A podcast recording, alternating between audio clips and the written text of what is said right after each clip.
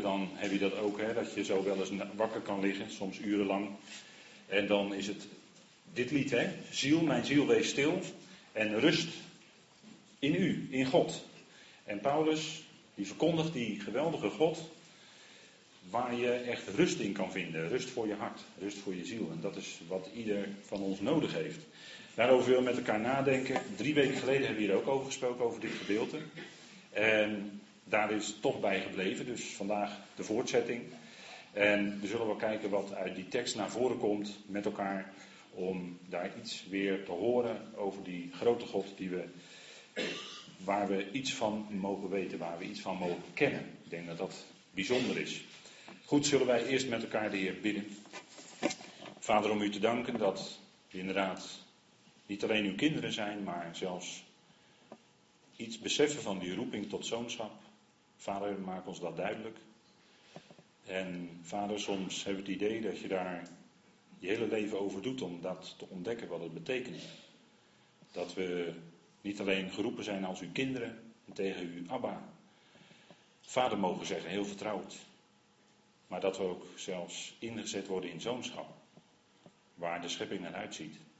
Vader, dank u wel dat we met die schepping mee zuchten in het lijden en de verdrukkingen die we ondergaan. Vader, in ons leven. Maar dank u wel dat u onze ziel, onze gedachten tot stilheid brengt als we beseffen hoe groot u bent. En dat u er bent, dat u nabij bent. Dat u het in ons leven en in het leven van die ander niet verkeerd doet. Maar uitwerkt, Vader, wat u bedoelt. Wat naar uw liefde is. Vader, dank u wel dat we ook vanmorgen stil mogen staan bij het gedeelte van Paulus in Athene, waarin hij spreekt over u. Vader, geeft u wijsheid en woorden. Leidt u door uw geest. Spreekt u ons hart aan. Vader, dat we opgebouwd mogen worden in ons geloof. En dank u wel dat we, Vader, u mogen danken voor alles wat u geeft en geven zult. In de machtige naam van uw geliefde zoon. Amen. Paulus op reis. Hij is in handelingen 17 in Athene, de toenmalige Griekse en nog steeds Griekse hoofdstad. Maar het was toenmalig, in die tijd was het ook het centrum van de filosofie. Daar werd diep nagedacht over eh, het leven. De Griekse filosofen zijn nog steeds heel erg bekend. Ook al leefden zij eh, honderden jaren voor de geboorte van onze Heer. Maar die filosofieën kennen we nog steeds. En Paulus had daar ook mee te maken. Hij kende ook de dingen die in die tijd geschreven waren. Hij was een uh, belezen mens, om het zo maar te zeggen. En daarom spreekt hij ook bepaalde dingen. Dat zullen we met elkaar zien. Paulus in Athene en hij was geprikkeld in de goede zin door de afgoden die hij daar zag. Er waren misschien wel 3000 van die afgodsbeelden in die stad. En zo had ieder zijn eigen God. Hè? Ieder had zijn eigen beeld van God. Nou, daar zullen we ook vanmorgen wel iets meer over horen. Paulus in Athene. Hij spreekt de menigte toe en hij knoopt aan bij een altaar, een sokkel voor de onbekende God die hij daar gezien had. En dan gaat hij door Heilige Geest gedreven, door God geïnspireerd, gaat hij spreken over de God die die Atheners niet kenden, maar die zij wel eigenlijk in dat, dat, die sokkel voor die onbekende God, dat ze iets beseften van dat, dat die God, die Paulus mocht kennen, dat die er is. En zij zochten daarnaar. En dat is ook wat God eigenlijk in de mens legt. Ieder mens behoort tot die grote schepping. Daar spreekt Paulus ook over. Over de oorsprong van de mens. En als je je oorsprong gaat leren kennen, dan weet je eigenlijk ook waar het naartoe zal gaan. En dat is het bijzondere. Hij spreekt hier over God en hij zegt geweldige dingen. En dat kan ook alleen maar. Als je God leert kennen, dan kun je alleen maar geweldige dingen zeggen over hem. Tot eer van hem. En dat doet Paulus hier ook. En hij zegt, kijk, die grote God, en dat is het voorgaande vers, maar we knopen hier aan in vers 25. Die grote God, het is gelezen, die woont niet in al die tempels die met handen gemaakt zijn. En in Griekenland, in Athene, had je daar de Acropolis. He, gewijd aan de godin van Athene. Maar dan zegt Paulus, die God is veel groter, die ik jullie verkondig. Waarin jullie zeggen dat is de onbekende God. ze stelden, een aantal Athenen stelden, stelden zich daarin agnostisch op. Hè? Agnosten die zeggen, ik kan God niet kennen. Die mensen kom je tegen. Ja, God, ja, ik kan hem eigenlijk niet kennen. En dan zeggen ze, ja, ik geloof wel dat er iets is. Maar ja, wat is nou iets, hè? Iets is eigenlijk, ja, heel moeilijk. Dat is heel moeilijk. Ik geloof wel dat er iets is, ja, maar wat dan? En hoe dan? En, en je ziet dat wetenschappers zoeken naar de oorsprong van het leven. Ze zoeken naar de oorsprong van het heelal. En dan zeggen ze, ja, we zoeken nog steeds verder. We weten het nog niet, maar we zijn er bijna. Maar ze weten het nog net, ja, en dat is nou net de, het verschil tussen wat Paulus hier mocht gaan spreken over God en waar die mens dan naar zoekt. En veel, veel mensen zijn misschien heel oprecht bezig te zoeken naar, naar God. Wie is God? En dan zegt Paulus, kijk, die grote God, die is veel groter dan dat hij alleen maar in een tempel te vangen zou zijn, die door mensenhanden gemaakt is. Eigenlijk heeft hij die tempels helemaal niet nodig. En hij heeft ook mensenhanden eigenlijk niet nodig om hem te helpen. Maar hij geeft zelf aan allen het leven, de adem en alles. Dat is ongelooflijk wat Paulus hier zegt over God. Dat hij dat aan de mens geeft, dat is een blijk van zijn liefde. Dat die mens kan ademen, dat hij er kan zijn, dat hij leven heeft adem heeft, dat hij eigenlijk. En, en wij leven in de tijd, hier in een gedeelte van de wereld. En er zijn natuurlijk enorme tegenstellingen. Maar wij leven hier in de wereld, ja, wij, wij komen niks tekort. En als we jarig zijn, dan weten we eigenlijk niet goed wat we moeten vragen voor onze verjaardag. Want we hebben alles al, zeggen we dan. Hè. Je hoeft niks te geven, want ik heb alles al. Zo rijk zijn we dan materieel. Hè. Maar de, de echte rijkdom ligt natuurlijk in die God die we mogen kennen. Dat is eigenlijk onze rijkdom.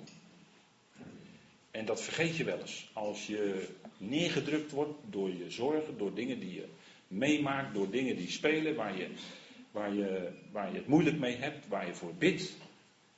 En, en waarvan je, je hoopt en opziet naar God, dat hij het, dat hij het ten goede en, en in behoud zal uitwerken. En dan kan het wel eens een beetje in je, in je innerlijk ondergesneeuwd raken hoe rijk je eigenlijk bent.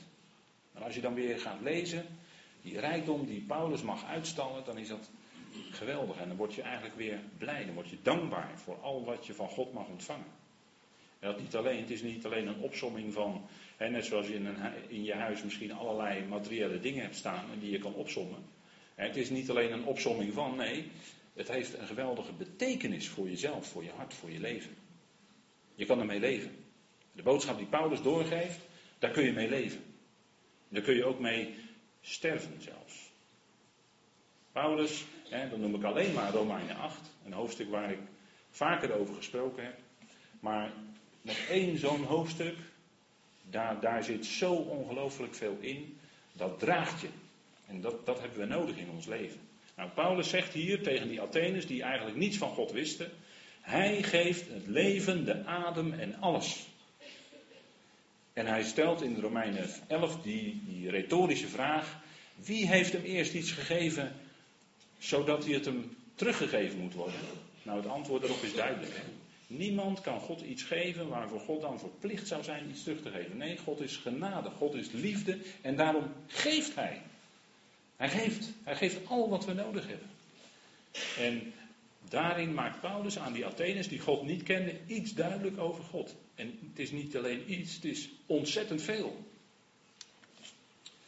Hij zelf geeft aan allen het leven, de adem en alles. En dat alles, dat vergeet je dan misschien gauw.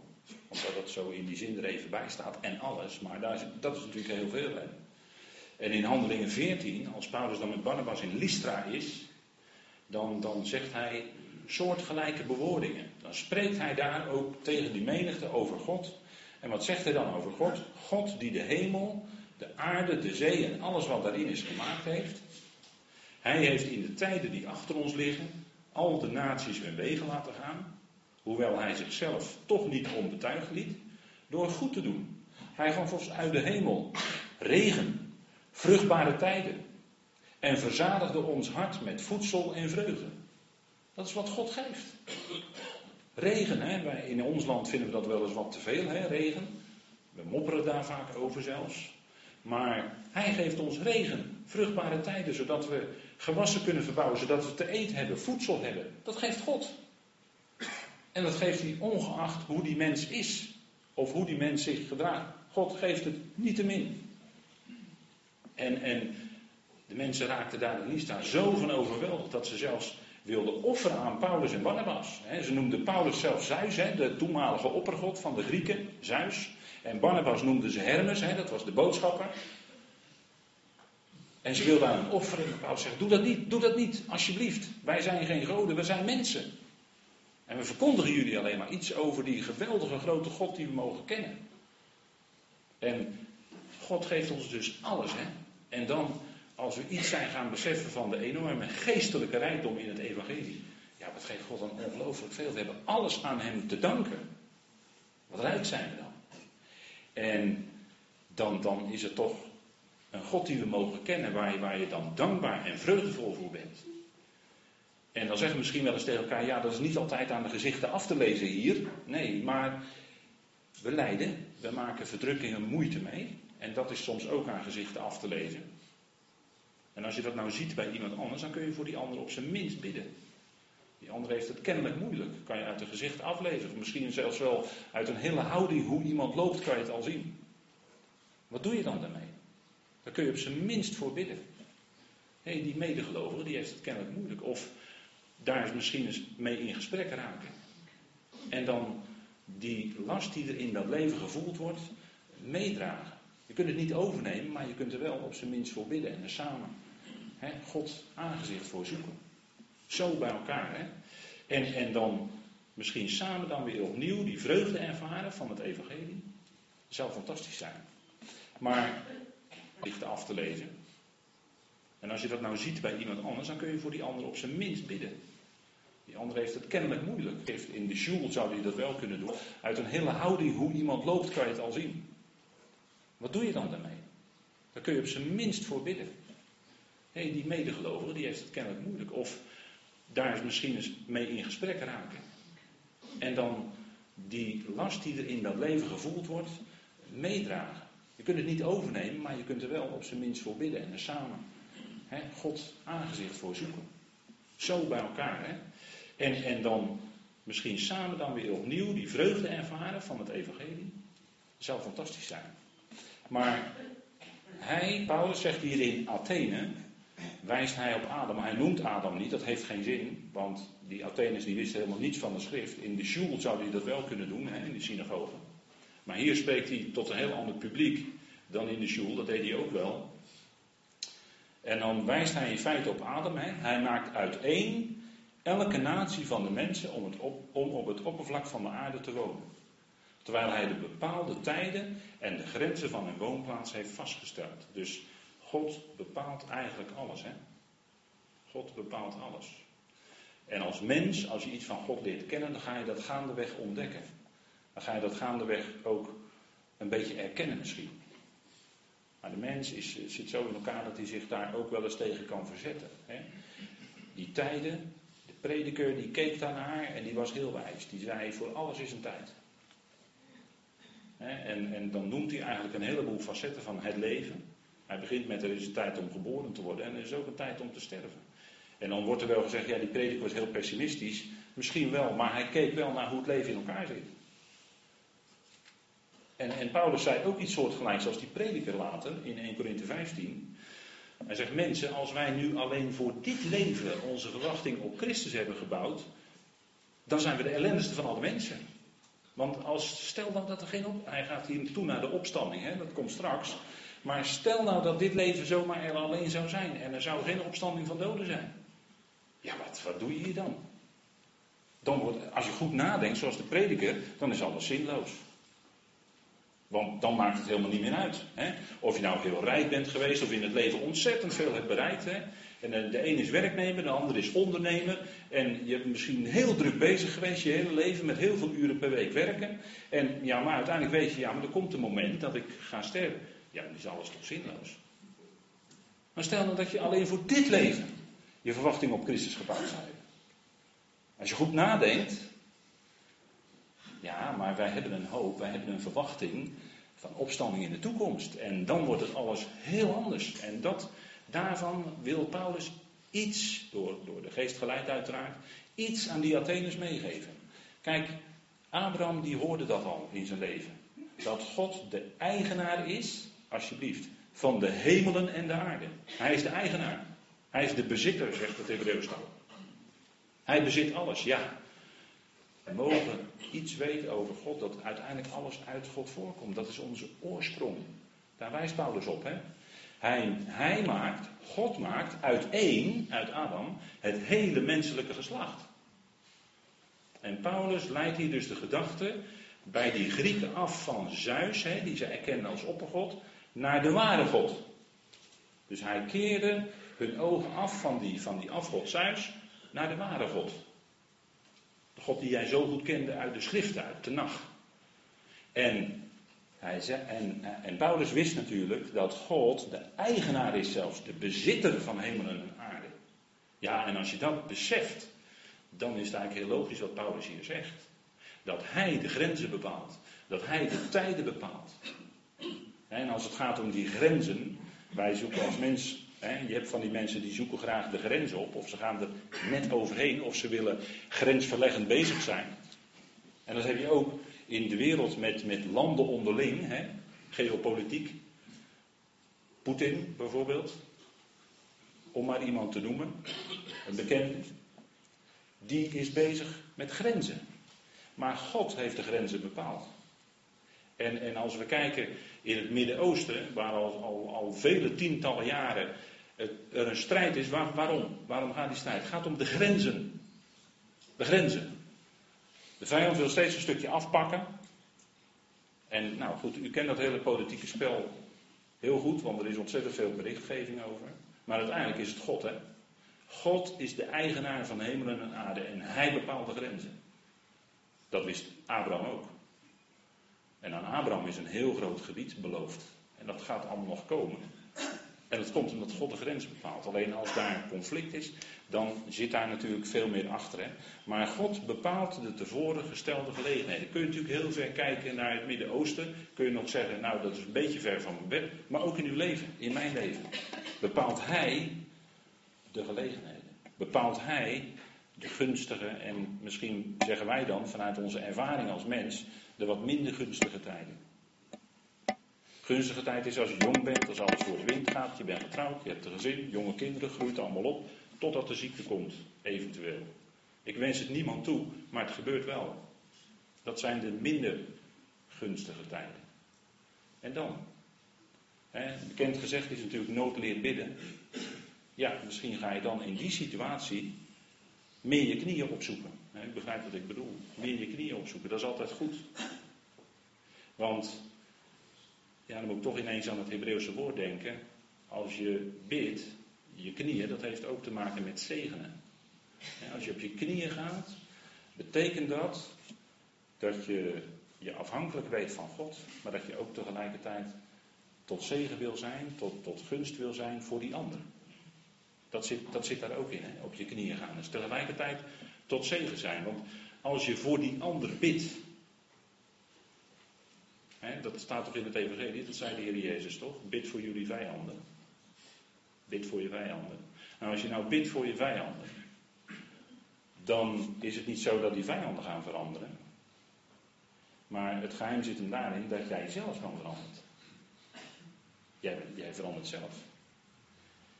En, en God is het die in ons leven dan bepaalt de tijden. Hè? De gunstige tijden, daar gaat het hier over, wordt het, wordt het, wordt het woord voor gunstige tijd hier gebruikt. De gunstige tijden in ons leven, maar ook die andere tijden, die moeilijke tijden. Waar je doorheen moet. Maar zoals koningin Wilhelmina al schreef in, de, in haar autobiografie, zij was wel eens eenzaam, maar niet alleen. Zij kende de Heer. Zij voelde zich wel eens eenzaam, maar niet alleen. Zo heet die autobiografie. Hè? En zo is het. Zo is het ook. In die situatie waarin we zijn, kun je wel eens eenzaam voelen. Maar dat is een gevoel van jezelf. Dat is een gevoel. Maar je bent niet alleen. Die grote God waar Paulus hierover spreekt, die is juist heel dichtbij. Veel dichterbij dan je denkt. Op het moment dat wij denken dat God ver weg is, is hij juist heel dichtbij. Dus wij denken er is een koperen hemel. Sommigen begrijpen dan wat ik bedoel, denk ik wel. Je bidt en het lijkt alsof het niet verder komt dan het plafond van de kamer waarin je bent. Dat lijkt zo. Maar God hoort. En God wist het al voordat je bad wat in je hart is, wat je nood is. God hoort. Samuel. God hoort. God kent. Dat is ons jaarthema. God hoort je. God kent. Hè? Psalm 139. God bepaalt de, ook de tevoren gestelde grenzen in ons leven. En, en hoe zit het nou bij iemand als David? Kijk, David was iemand die moest vaak strijd voeren. En mensen, ook, ook als het gaat om geloof, mensen voeren wel eens een strijd. Maar David, David, die voerde de strijd van de Heer. Hij, hij was betrokken in oorlogen, maar in de schrift staat hier, in de tekst die u daar ziet staan uit Samuel. David voerde de strijd van de Heer. De oorlogen van JW. De oorlogen des Heren, hè, staat er dan in uw vertaling. Dus David was niet bezig met zijn eigen strijd. Maar hij was bezig met de strijd, de oorlogen van de Heer. Dat is heel anders. En misschien was de toenmalige koning Saul bezig met zijn eigen strijd. Maar David voerde de strijd van de Heer. En de apostel Paulus zegt ook tegen zijn opvolger Timotheus: strijd de goede, eigenlijk de ideale strijd. Wat is dat? Die van het geloof. En dat is niet jouw eigen strijd, maar dat is zijn strijd met de hoofdletter. En daarin kan het zijn dat hij ons gebruikt. Dat hij ons, zo zet hij Paulus ook in. Dat was een hele strijd. Als we het leven van Paulus bekijken, want het gaat hier om Paulus die spreekt. Dat was een hele strijd zijn leven.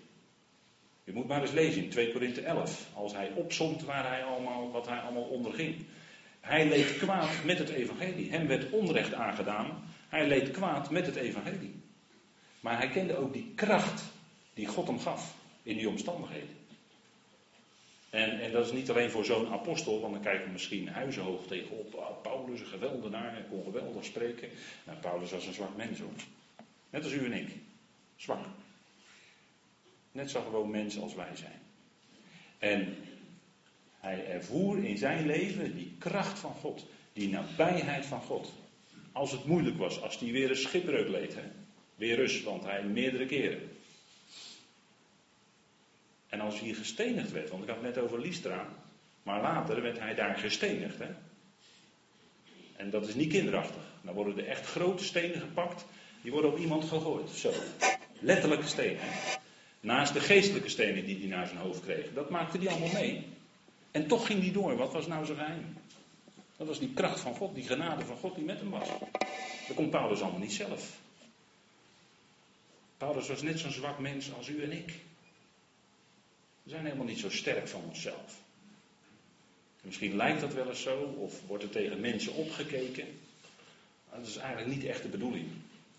De bedoeling is dat we opkijken naar die grote God, die ons als mensen gebruikt en genade geeft om iets te mogen doen bij tijd en gelegenheid. En dat is zijn tijd en zijn gelegenheid en hij bepaalt de grenzen daarvan. Dat is allemaal ook in ons leven. Hij zet die grenzen ook in ons leven neer.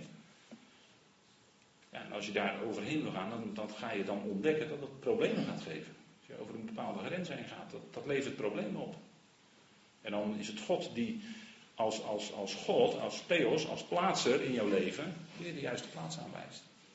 Maar David voerde de strijd van de Heer. David voerde niet per se zijn eigen strijd. En welke strijd is dan in ons leven aan de hand? Welke strijd voer jij misschien? Of voert u? Welke strijd is dat? Nou, dat heeft allemaal met ons geloof te maken. Het is een worsteling, het is een, het is een strijd van het geloof. dat, dat beeld, wat, het woord wat Paulus gebruikte, dat werd in die tijd ook voor worstelwedstrijden gebruikt. een strijd. En dat kan soms jaren duren. Maar dat is, en dat is vaak niet makkelijk, moeilijke momenten. Kende Paulus ook. En wat zegt hij dan? Die God die geeft aan die mensen alles. Hij heeft die mens gemaakt met iets in die mens. Dat hij iets beseft van ja, er moet, er moet toch meer zijn dan dat wat, wat we allemaal om ons heen zien. Een mens gaat vroeg of laat in zijn leven, gaat hij toch op zoek. En dan zegt Paulus om, om de Heer te zoeken, hè, opdat ze de Heer zoeken, of zij hem mogen tasten en hem mogen vinden. Of zij hem mogen tasten en mogen vinden. En ehm, een, een, een, dichte theoloog die schreef daar dus een gedicht over, tastend geloof, heet dat. Tastend geloof. Maar geloof is juist ook concreet. Het is niet alleen tasten, maar het is geloven in die betrouwbare woorden die God ons overgeleverd heeft. Geloof in dat betrouwbare woord van God, daar kun je van op aan. Dat is vast. En, en kijk, zo'n zo'n blinde heeft dan een stok nodig, die moet overal tasten. Waar moet ik heen? En wij hebben dan dat licht in ons leven. Hè? God heeft het licht in ons leven aangedaan. En heeft zichzelf in ons leven op een gegeven moment bekendgemaakt. Iets, hè, we hebben iets van God mogen leren kennen. Dat is, dat is denk ik ook de reden waarom u hier zit. Dat, dat u daarvoor geroepen bent. En zegt Paulus, hoewel hij niet ver is van ieder van ons. Want hij woont niet in tempels met handen gemaakt. In een locatie die door mensen is gebouwd. Maar hij is veel groter. Zijn tempel is eigenlijk het hele universum. Zijn tempel is eigenlijk het hele universum. Zo groot is God. Hij is overal. Hij is niet ver van ons. En hij is liefde. Dat is de boodschap die Paulus mocht doorgeven. De God die liefde is. Die aan alles geeft. Hè? Dat blijkt al uit het feit dat Paulus net heeft gezegd. Hij geeft aan, aan iedereen alles. Dat betekent dat hij liefde is. Hij geeft het om niet. Hij is niet ver van een ieder van ons. En in de nood van je leven kan je wel eens net als de Heer uitroepen, Abba, Vader. En misschien komen er niet meer woorden over je mond. Of misschien helemaal niet, omdat je vol zit met tranen, omdat je bijna omkomt in je verdriet. Kan. Kan gebeuren. En dat is niet makkelijk, dat zijn moeilijke momenten, hele moeilijke momenten. Maar hij is niet ver van ieder van ons. Hij weet en hij kent je. En hij overziet die hele weg. we hebben dit jaar toch een machtig jaarthema, denk ik. Machtig jaarthema. Dat God je kent. Dat hij je hele weg kent. Al je dagen al kende. Toen jij nog een embryo was. Toen jij nog niet, helemaal niet geboren was. Kende hij al je dagen al. Dat is wat. Als je, als je zoiets van God gaat beseffen. Hè. Michelangelo die, eh, die schilderde daar ook iets van. Het is een uh, detail natuurlijk, maar heel bekend. Hè. Hij is nabij. God is nabij. Hij is niet ver van ieder van ons in nood en verdrukking. En dan citeert Paulus Epimenides, die dit zegt over Zeus, de Griekse afgod. In hem leven wij, bewegen wij ons en zijn wij. Maar niet in Zeus, maar in de God die Paulus daar verkondigt. In de God die we ontmoeten ook in op de bladzijde van de schrift. De God die we hebben ontmoet in ons leven. Die ons geroepen heeft. Paulus zegt, kijk dat is niet Zeus, maar dat is de God die ik jullie verkondig. In hem leven wij, bewegen wij ons en zijn wij. Dat is wat. Als je dat beseft. Hè? En, en dan eigenlijk, hè, dat, dat geest, ziel en lichaam is daarin betrokken. Hè? Eigenlijk heel mooi gezegd. Hè, leven wij, dus in onze geest, hè? God heeft ons, ons leven gewekt in onze geest. Geest, zijn geest gegeven.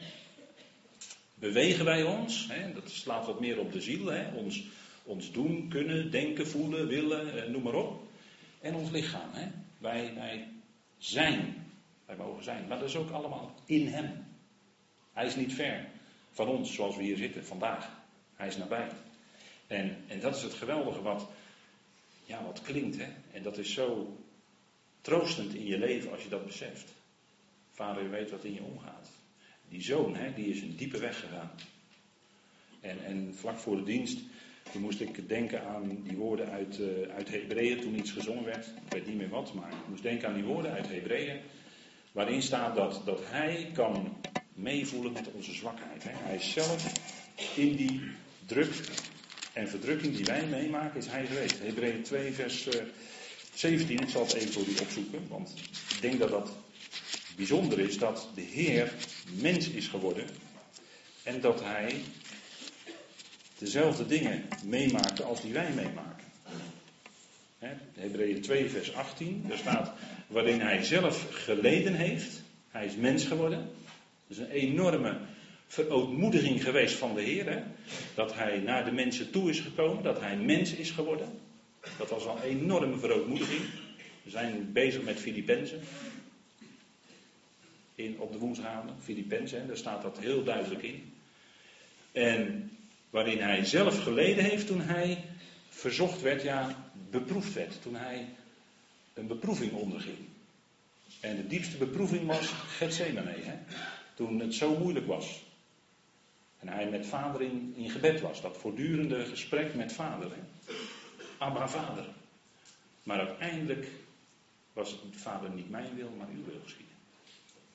En, en, en dat is denk ik in ons leven, als het erop aankomt en we tegen bepaalde grenzen aanlopen, of we willen misschien dingen vasthouden, of we willen een bepaalde strijd voeren, maar uiteindelijk is het toch, vader, vader, niet mijn wil, maar uw wil geschieden.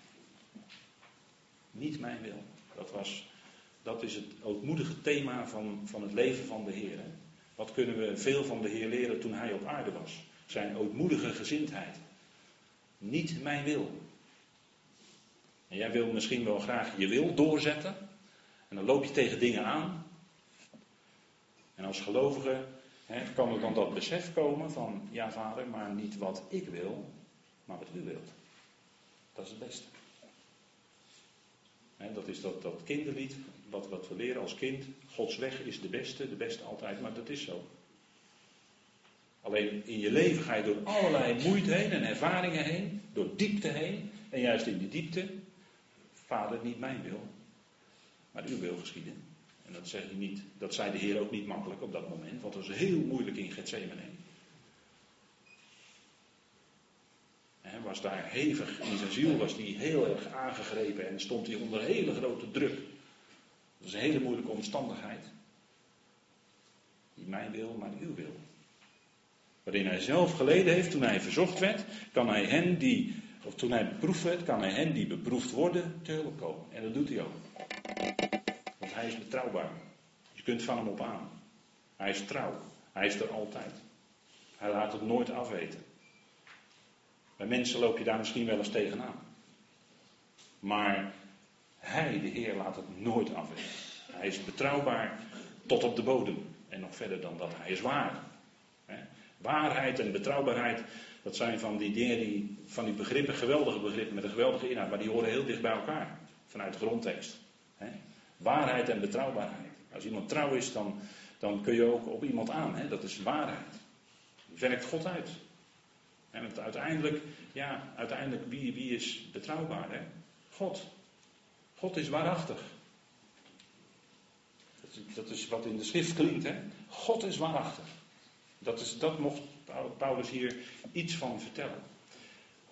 En Paulus citeert dan nog een van die dichters, Aratus, over, dit gaat dan over Zeus. Hè, en dat was, dit was dan een dichtregel, want wij zijn van, ook van dat geslacht. Hè. En dat geslacht, daar werd dan mee bedoeld door die dichter het geslacht van de goden, hè, de diverse goden die er waren. En die zei dan, wij als mensen zijn ook van dat geslacht. En ze stelden vaak de goden voor als mens. Ze, zijn heel mensvormig, hè. dus ze vormden zich een beeld over God, maar vulden daar dan in de mens. Zo, hè. En dat was al een eerdere regel van Cleantus uit Cilicië. Nou ja, goed, is dat u het even weet, u mag het zo weer vergeten. Maar wij zijn ook van dat geslacht. En Paulus, die zegt, nee, niet Zeus, niet het geslacht van de goden. Nee, God. Die God die ik jullie verkondig. Die regen geeft, die vruchtbare tijden geeft, die je gezondheid geeft, die je alles geeft wat je nodig hebt. Die verkondig ik jullie. Dat is fantastisch. Die God die uiteindelijk nooit teleurstelt. God stelt nooit teleur. Je kan wel eens teleurgesteld zijn in het leven. En dat God verwijten. Maar dat komt omdat wij beperkt zicht hebben. En omdat wij nog niet het hele plan kennen wat God, God Wat God loopt in ons leven. Maar hij loopt mee in ons leven. Hij loopt met je mee. Hij gaat met je mee. Niet ver afstandelijk. Wij zijn ook van dat geslacht heel bijzonder. Hè? We zijn met hem verbonden. Hij is de bron. Hij is de schepper. Hè? God is de bron van alles. Hij is de schepper. We komen bij hem vandaan uiteindelijk. Hè? En als je je oorsprong kent, als je je oorsprong kent, dan weet je eigenlijk ook al waar het naartoe gaat. Hè? Als je oorsprong leert kennen, namelijk God, je vader, dan weet je ook dat je uiteindelijk bij hem zal uitkomen. Hè? En dat is, uh, ja, dat is heel bijzonder. Welk beeld heb je eigenlijk van God? Mensen die vormen zich allemaal beelden van God. Dat zag je ook in Athene. Er waren 3000 beelden. Allemaal mensen die zich een beeld hadden gevormd. Iets, die wilden iets over God. Wat zij dachten over God duidelijk maken. Maar welk beeld hebben we eigenlijk van God? Een streng afstandelijke God? Nee. Zo komt hij niet in de Bijbel naar voren. Maar liefdevolle, betrokken God. Die met je meegaat op de weg. En die je door en door kent. Hij kent je door en door. En weet precies wat in je hart omgaat. En misschien weet je dat soms zelfs niet meer.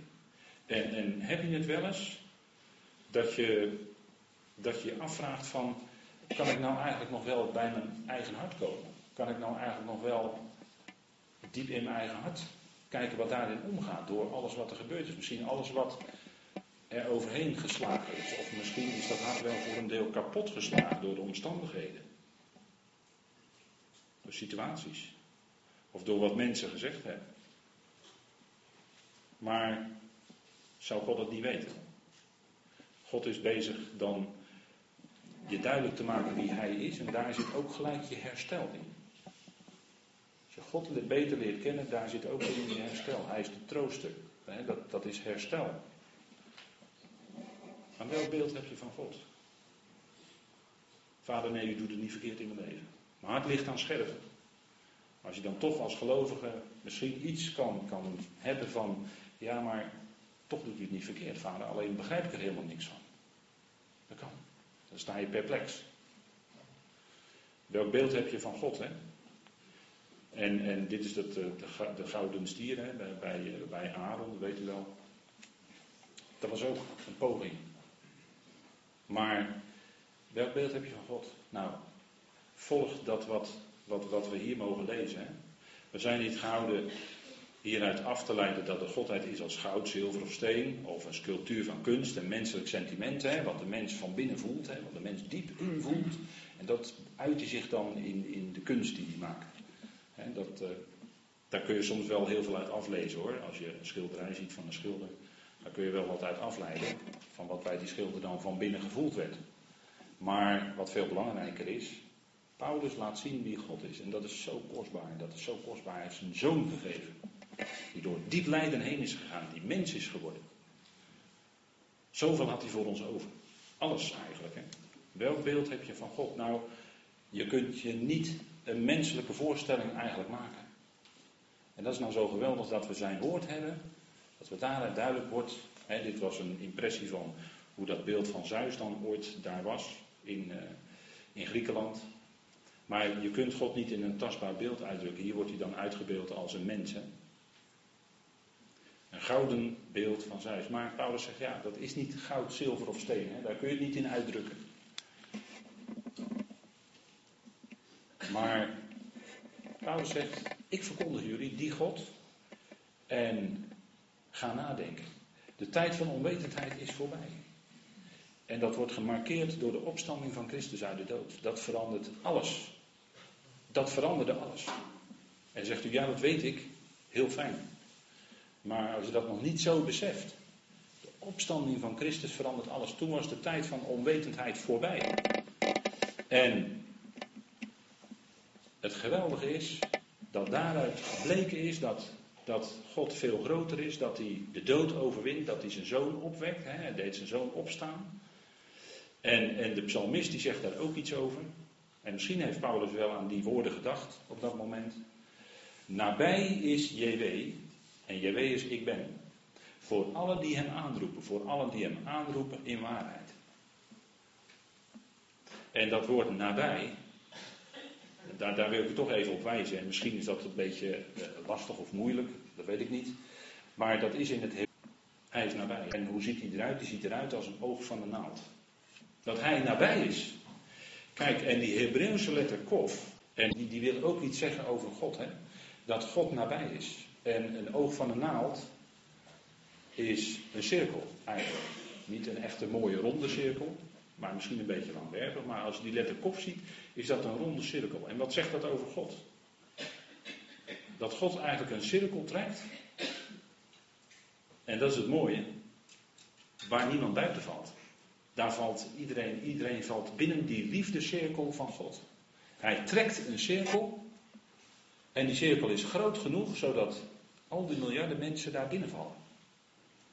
Dat is bijzonder, hè? Zo is God. Van meet af aan. Alles is uit hem voortgekomen. En alles zal uiteindelijk ook weer naar hem terugkeren. Dat is het fantastische. En dat is eigenlijk die cirkel waarmee God iedereen omsluit. En, en nu is het fantastische dat, dat God heel persoonlijk is. Dat Hij jouw leven, uw leven, mijn leven helemaal omsluit in zijn liefde. Je kunt dus nooit, hè, je kunt dus nooit zelf als mens een cirkel trekken en zeggen van jij valt er buiten bij God. Nee, dat kan niet. Dat is onmogelijk. God wordt alles in allen staat, hè? allen. Iedereen valt daar binnen. Dat is fantastisch, hè? Kijk, en dat, deze psalm is ook opgebouwd en er staat er, als u een oudere vertaling heeft, staat er keurig netjes in de kantlijn precies de Hebreeuwse letter bij, die bij dat vers hoort. Dat is ook de oorspronkelijke tekst. En dat vers begint dan ook met die letter. Nabij, daar begint dit vers mee. Dus daar, daar wil de psalmist dan de aandacht op vestigen. Nabij is JW. Dat is ik ben. Dat is God die met zijn volk meetrok door de woestijn. Onder leiding van Mozes, die een zeer zachtmoedig mens was. En dat moest hij ook zijn, want het was een murmurerend en tegensprekend volk. En als gevolg daarvan zijn er veel omgekomen tijdens die reis. En dan zijn wij ook op weg, en zo wordt het vaak genoemd, in de woestijnreis van ons leven. Op weg naar.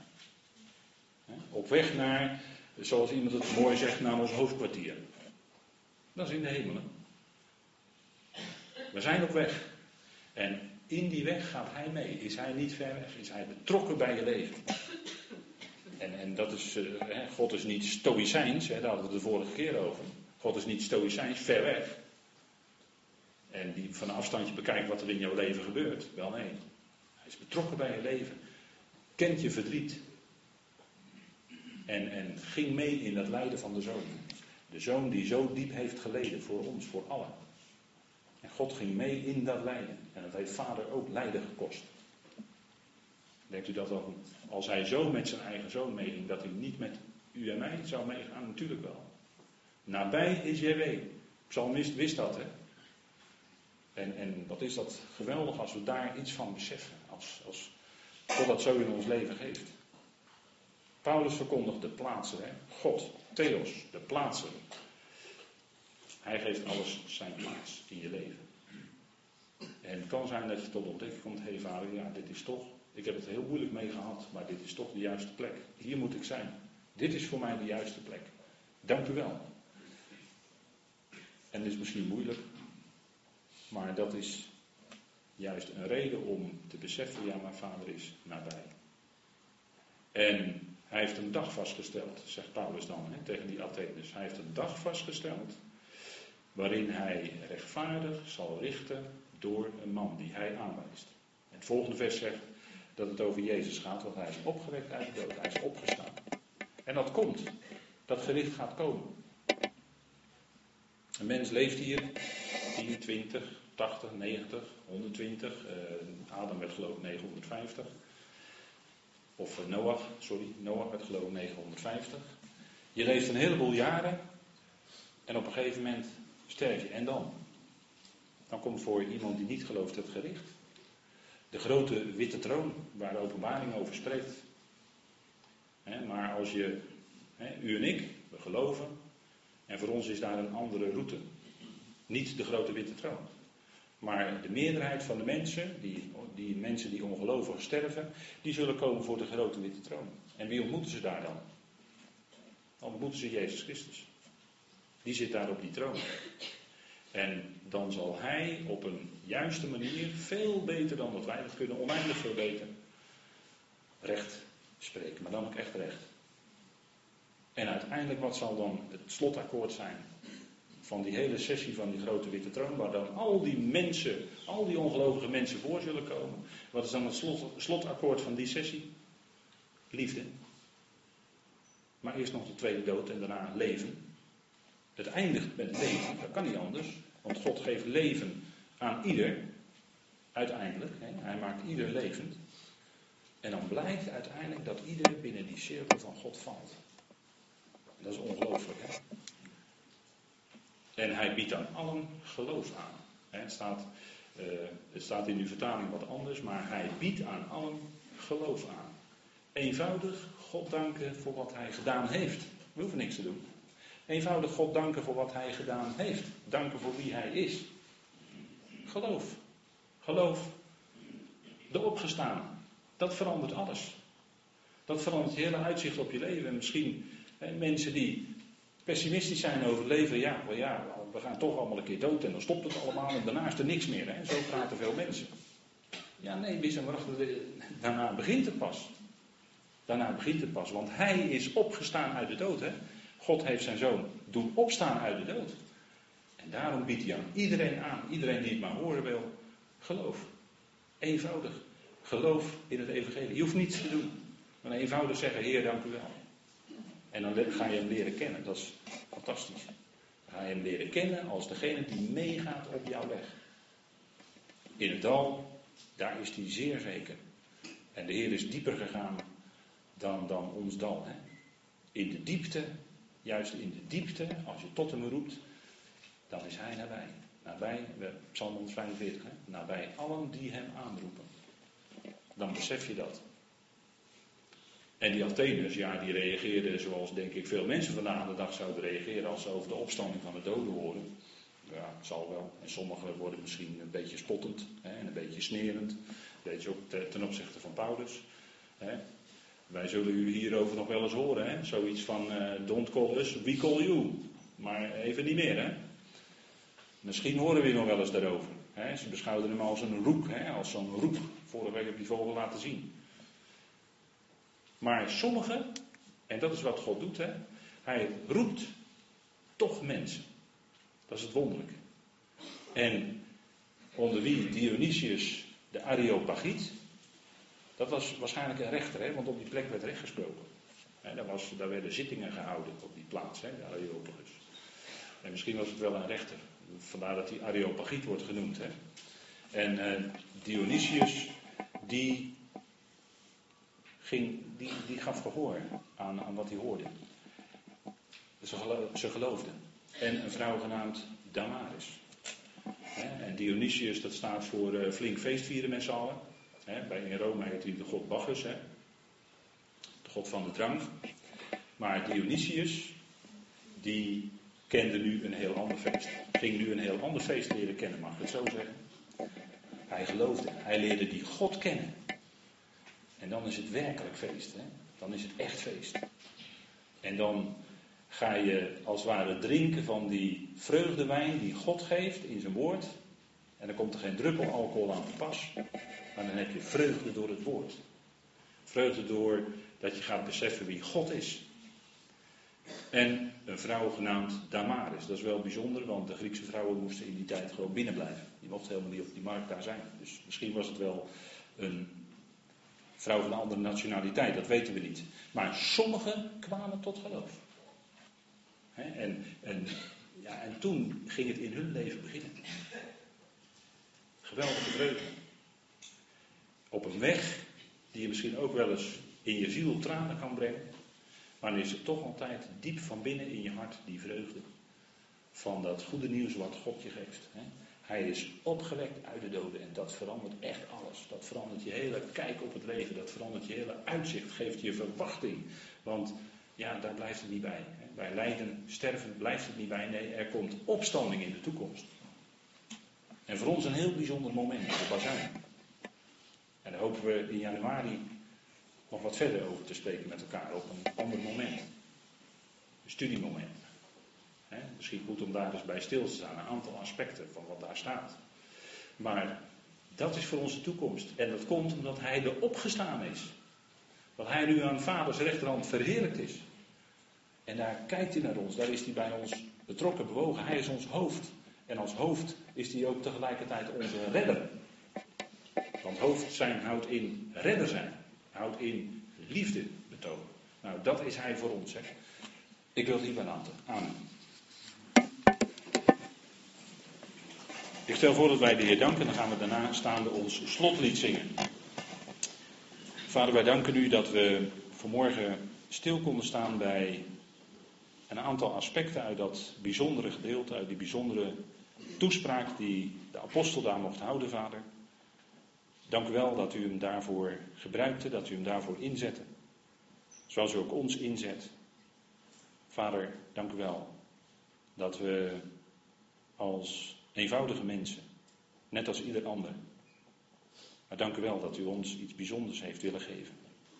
Vader, en uh, hoe langer je erover nadenkt, hoe meer verwondering er komt over die grote God die u bent.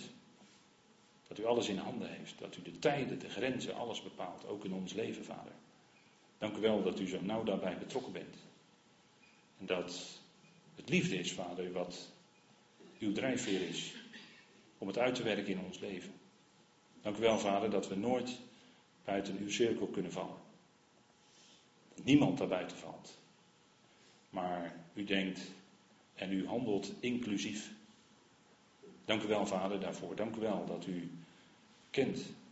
Dank u wel voor ieder die vanmorgen hier kon zijn. Vader, dat we elkaar konden ontmoeten. Hier en daar met elkaar konden spreken. Dank u wel, Vader, voor die kostbare momenten. Dank u wel dat u ons in alles draagt. Dat u ook morgen met ons meegaat. En de komende week, Vader. Dank u wel dat u het geeft. Vader, wij danken u voor uw trouwe goedheid en liefde. Dat u zo bent, Vader, en dat u zelf deze dingen die in uw woord staan, doorwerken in ons hart en in ons leven. Dat het besef groeit, Vader, dat het goed is wat u doet.